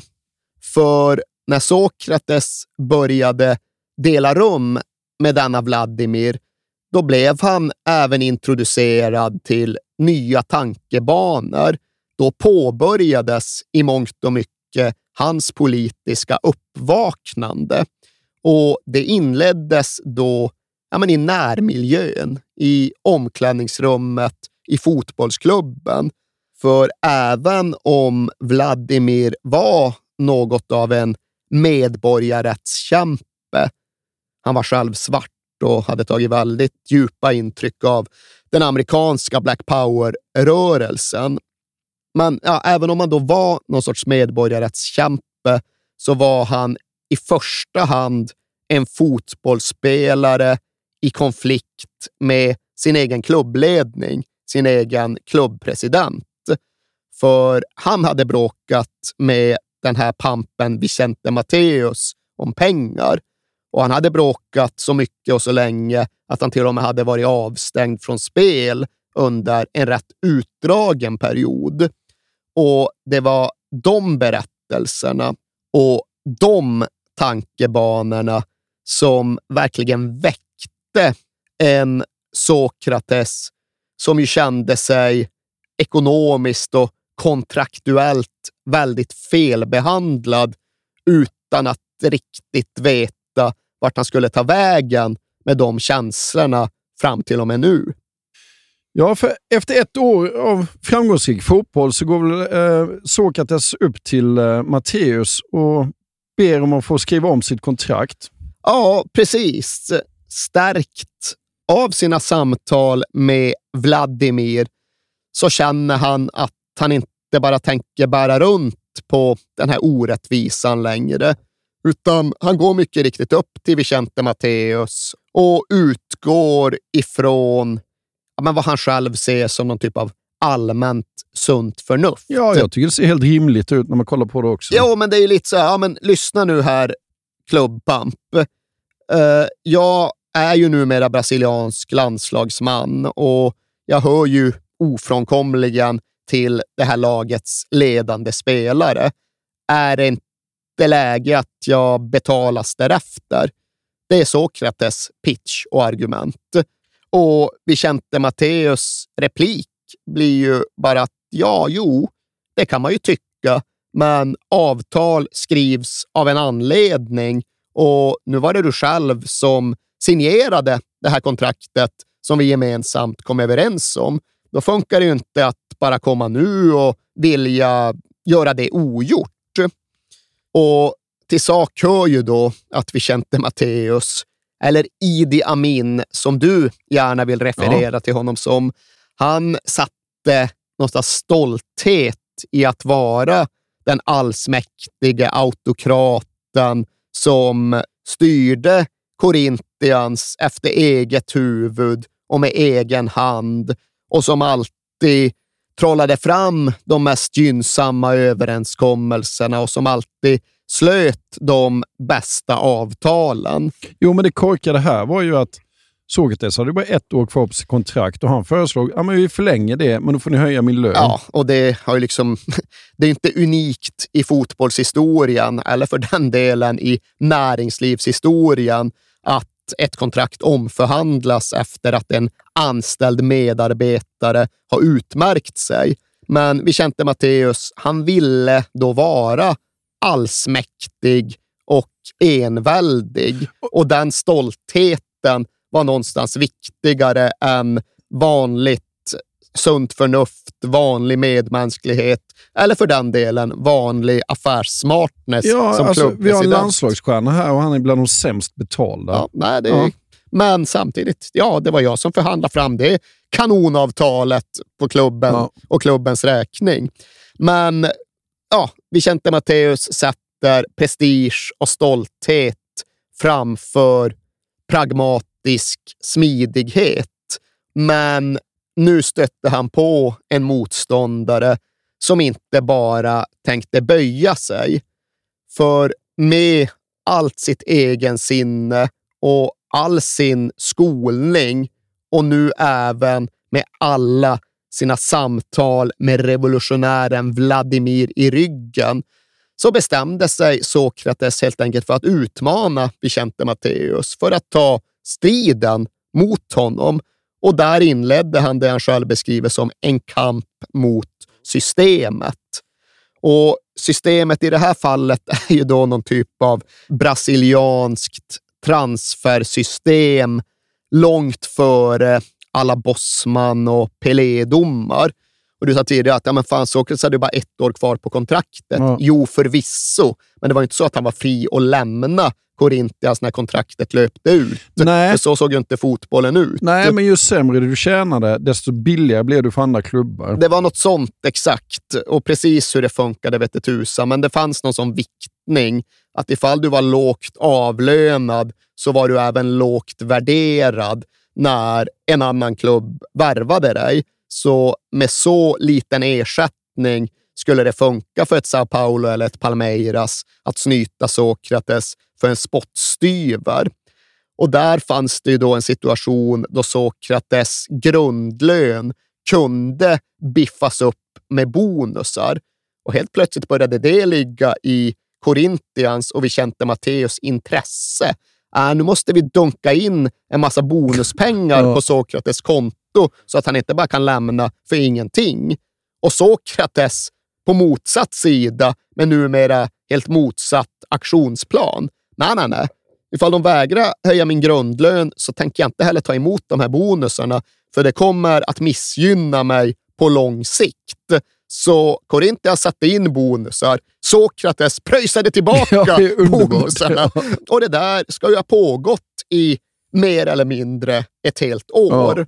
Och sen så närmade sig kontraktsslutet och den rätt oundvikliga flytten. Och ställd inför stundade faktum så vek ju sig Vicente Matteus i det läget.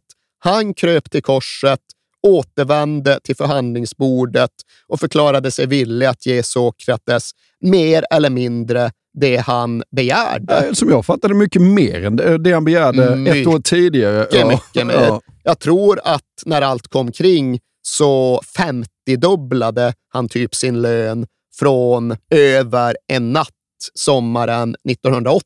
Ja. Och sommaren 1979, när han först hade försökt omförhandla, då var det snarare en tiodubbling han hade fiskat efter. Där fick du Idi Amin. ja, nej, där gick han verkligen. Där föll han på eget grepp.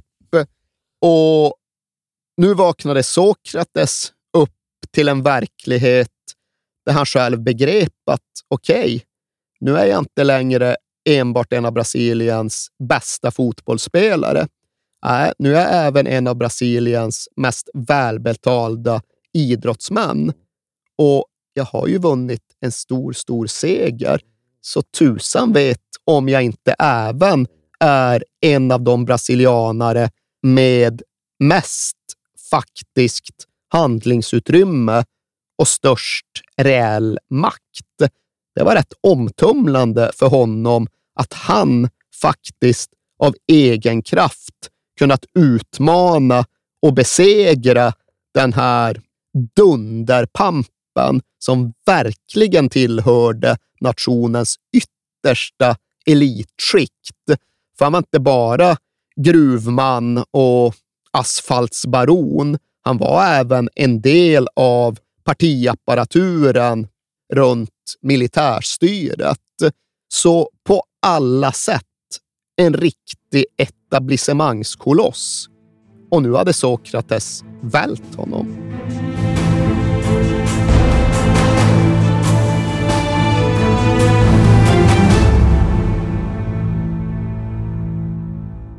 Och den här nya insikten som Sokrates har fått går ju att ta med sig ut i samhället i övrigt också. Definitivt, för hela den här kontraktsstriden, den sammanfaller med en tid av politiskt upptinande. För nu är vi ju precis tillbaka där vi började. Vi är under de här åren då fackföreningsrörelsen går ut i strejk och då de politiska missnöjesbanderollerna börjar synas till och med på fotbollsläktarna. Och det får ju militären att förstå att deras grepp är på väg att försvagas. Så det här leder till någon typ av liksom brasiliansk glasnost. Den gamla maktstrukturen börjar luckras upp. Militären påbörjar en typ av reträtt från politiken. Och den reträtten leds av en herre som heter Joao Figueiredo och han blir den sista presidenten att tillsättas under militärregimen. Och han tillträder i mars 1979 samtidigt som den här strejkvågen väller över landet. Och han går även Gavioes Dafiel-läktaren till mötes. Han beviljar den där generella amnestin som efterlysts både på banderoller och i debatter. Han låter fria fängslade oppositionella och han tillåter att många av dem som gått i exil framöver återvänder. Och vad förenar då den här lite mjuknande militärpresidenten med den mycket hårdföra fackföreningskämpen på andra sidan fängelsemuren? Vad har egentligen Joao Figueiredo och Lula gemensamt? Ja, båda är naturligtvis enorma Corinthians-anhängare. Ja.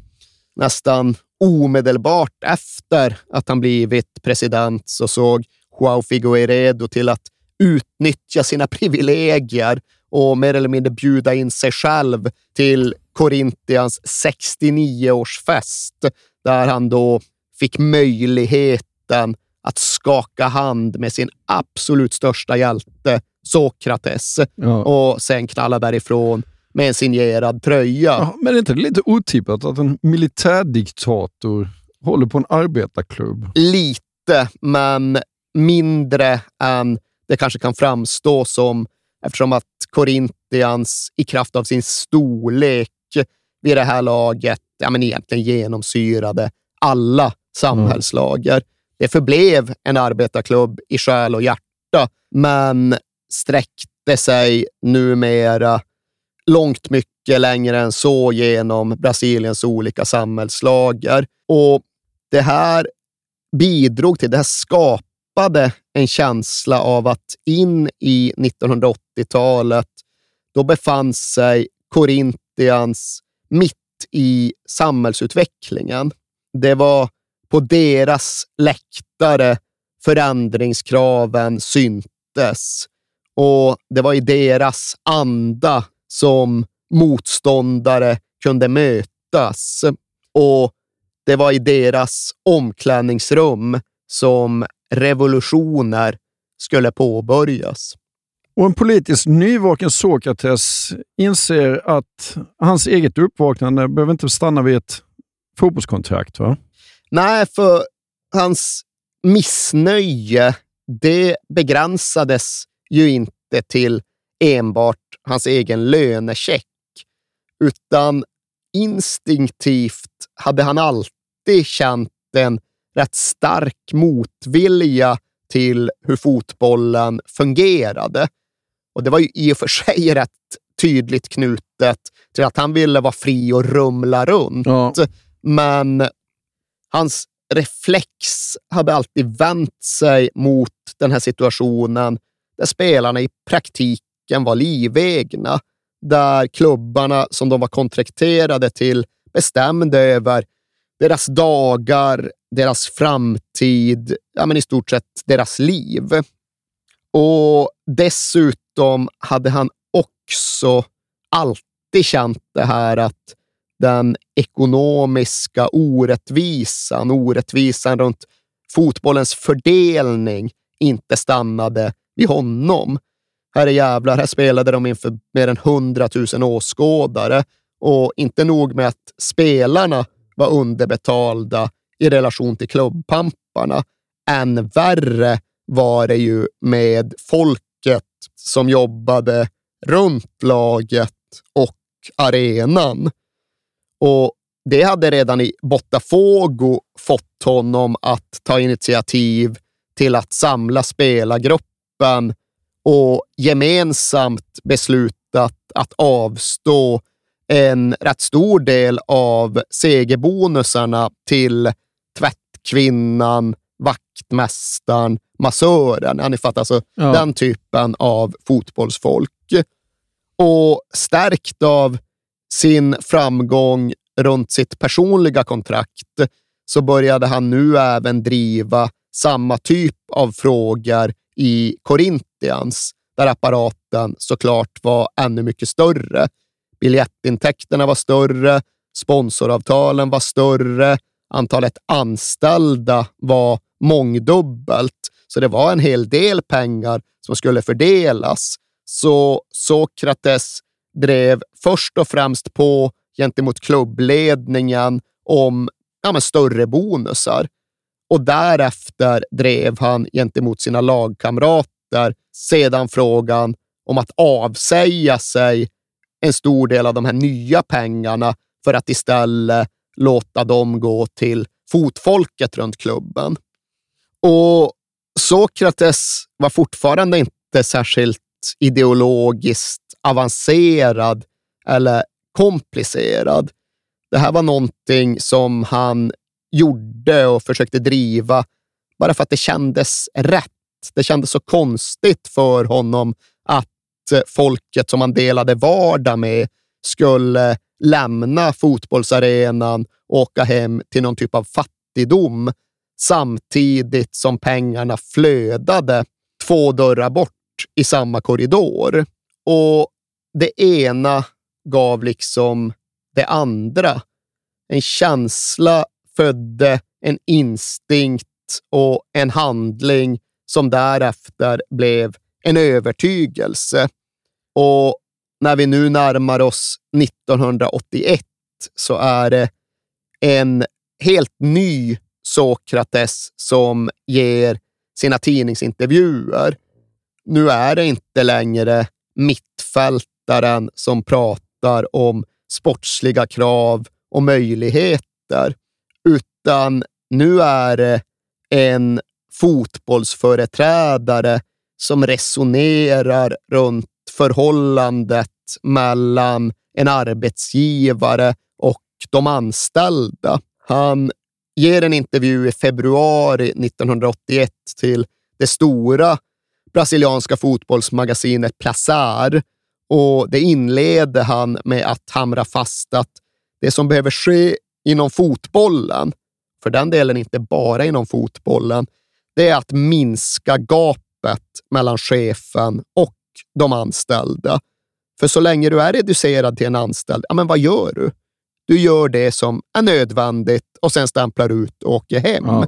Du har inget incitament att bygga upp målbilder eller att skapa eller att älska din arbetsomgivning. Så jag respekterar och beundrar de företag som får sina anställda att öppet säga vi, vi här på företaget. Och jag skulle älska om vi började säga vi i Korintians. Det jag vill, det är att Korintians ska bli en förlängning av våra familjer. Och när Sokrates pratar så här, ja, då är det ju väldigt tydligt att här har det inte bara såtts ett frö, utan här har det här fröet vattnats och hunnit växa till sig rätt jäkla mycket. Ja. Och nu är vi framme vid en väldigt viktig grej, för att det är presidentval i Corinthians och här har Vincente Matteus problem. Ja, fast han tycker ju sig ha en väldigt tydlig och välfungerande lösning på problemen. För Vicente Matteus, han har med korta formalistiska avbrott suttit vid makten i Korintians sedan 1950-talet. Och det borde ha varit omöjligt, för det är konstitutionellt förbjudet. Du får bara vara klubbpresident i två mandatperioder, alltså lite knappt tio år. Men som vi är smärtsamt väl medvetna om nu för tiden, sådana där stadgar går ju alldeles utmärkt att runda ifall man bara är tillräckligt skruppelfri och har fogliga, lojala medhjälpare på rätt positioner. För det Vicente Matteus tänkte sig att göra, det var ju rätt och slätt att köra en Putin. Ja. Putin, okej, okay, han får inte vara Rysslands president längre, så då sätter han sin lakej Medvedev som president och så låtsas han själv vara premiärminister under en mandatperiod och sen kör han igen. Ja, och det var å andra sidan på den tiden Ryssland hade en konstitution innan han tog väck den också. Ja, och sen var den ju bevisligen hyfsat tandlös. Ja. Men så här såg då även Vicente Matteus plan ut långt före Putin. Och den verkade gå som smort. Det verkade bli precis som planerat. För nu blev då hans gamla vicepresident Valdemar Pires formellt sett utnämnd till president och det var precis enligt plan. Det skulle bara tillåta Vicente Matteus att köra på precis som vanligt. Men han drog den tanken lite väl långt, för han orkade inte ens bry sig om att låtsas och han orkade inte bry sig om att visa minsta lilla uns av tacksamhet mot Valdemar Pires för hans undfallande, utan tvärtom så skulle han nästan vara demonstrativt övertydlig kring hur han minsann lurat systemet och hade blind lojalitet från sina undersåtar. Ja, det är ju rätt korkat att vägra lämna sitt presidentkontor. Om man nu inte är president längre. Jag tänker absolut ställa min jävla vrålbil på presidentparkeringen också. Varför skulle jag göra något annat? och börjar det gnisslas från den här marionetten Valdemar Pires, ja men då ska han fan veta sin plats. Då ser jag till att han inte ens får komma in på hedersläktaren när Corinthians spelar hemma. Och det här ska då formellt sett vara klubbpresidenten som förvägras den rätten. Och här känner väl Valdemar Pires att nu har det trampats lite väl mycket på min stolthet. Och samtidigt så mullrar missnöjet från Gavio Estafiel högre än på väldigt länge. Och det här är ju deras stora, eviga strid.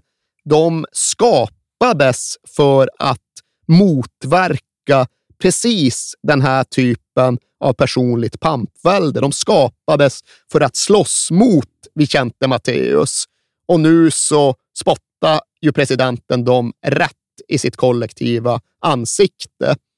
Men precis som fallet visade sig vara i kontraktskriget mot Sokrates så har ju Vicente Matteus på klassiskt pampmaner överskattat sin egen odödlighet. Han blir för dum arrogant för sitt eget bästa. För nu sluter sig Gavio Estafiel samman med Valdemar Pires. De ställer sig bakom honom och säger att ah, men vänta nu här, du är ju faktiskt utnämnd till klubbpresident. Kräv din rätt. Ja. Knuffa undan den där jävla gubben så har vi din rygg. Och en indignerad Valdemar Pires inser att ja, vad fan, jag har ju faktiskt både rätten och folket på min sida här. Så hörru gubbstrutt, ut ur mitt kontor, bort från min parkeringsplats, bort från läktaren där det är jag som bestämmer. Och inträngd i ett hörn utan någon som helst möjlighet att ta sig ut så accepterar till sist Vicente Matteus sitt nederlag. Han lämnar över presidentposten och han tar rätt många av de långlivade klubbhöjdarna med sig. Det är liksom inte så att han går ut genom dörren själv, utan han tar med sig i stort sett hela sitt entourage. Och det innebär vakanser på flera nyckelpositioner. Nu finns det möjligheter att tillsätta en ny typ av klubbledare här, för den gamla stammen har smitit ut med svansen mellan benen. Och det kan man lugnt säga att Perez gör. Ja, och det är lite en utnämning som bara sker. För ifall jag har fattat saken rätt, och här ska jag faktiskt skjuta in en reservation att jag inte riktigt lyckas trippelkolla grejen på ett sätt som gör att jag känner mig trygg med händelsekedjan. Men om jag har fattat saken rätt så uppstår en lucka på sportchefsstolen som den avgående sportchefen själv tar ansvar för att fylla. För så som jag uppfattar saken så väljer den utknuffade sportchefen att lite försåtligt sätta dit sin egen son, som han själv uppfattar som rätt oduglig. Ja. ja men en odåga. Ja. Själv är han då en liksom ordningen och auktoritetens man från militärmakten. Och grabben hans, nej, ingen ordning där. Han har valt en helt annan väg. Han liksom flummar runt i universitetsvärlden och låtsas vara någon typ av intellektuell aktivist och lever sitt liv helt utan riktning. Ja, nej, vi, vi gör på ett sätt som, som ska lära dem alla en läxa. Jag erbjuder den här vilsna sonen mitt gamla jobb så ska han få se hur jäkla krävande och svårbemästrat det egentligen är. Och på samma sätt skickar jag även en syrlig känga till klubben och till alla de som har trängt ut mig. Ni uppskattar inte mitt jobb som sportchef. Nej, nu ska ni få se vad en skäggig slusk kan ställa till med på samma position. Ja, och det var då Adilson. Adilson, en kille som farsgubben tidigare försökt göra till direktör på någon kakfabrik som tillhörde ett familjeföretags paraply, men som överhuvudtaget inte hade funkat i den rollen. För han var ingen företagsledare. Han var ingen auktoritär chef som stakade ut riktning med hela sin näve, utan han var en skäggig, övervintrad studentaktivist som kallade sig själv för sociolog. Läste du egentligen... sociologi någon gång på universitetet? Ja, 20 poäng. Ja, men det gjorde jag med. Men visst var det roligt? jo, jo, men jag kan ju förstå hur den här företagsfarsan ur militärapparaten känner, ska det här vara ett yrke? Ja, Sociolog, vad fan pratar du Nej, om? men, vad jag, men kan, vad jag, kan, se är att man går in med ganska öppna, öppna ögon. ögon. och uh, är öppen för nya idéer. Liksom. Ja, herrejävlar. Jag ska inte ja. tala emot bättre vetande. Jag älskade sociologi. Jag, jag tycker det är ett fantastiskt ja. Eh, forskningsområde. Men det, är väl, det var i alla fall en sanning uppe runt Umeå universitet att där på den samhällsvetenskapliga och än mer den humanistiska fakulteten det var inte alltid helt tydligt vilket yrkesliv som väntade Nej, det är när man hade inte. läst sina Men det är jävligt roligt. Men ja, nu blir det den här även. Adilson, 34 år gammal, svajig student med samhällsförändrande sociologambitioner som plötsligt ska bli sportchef för Corinthians.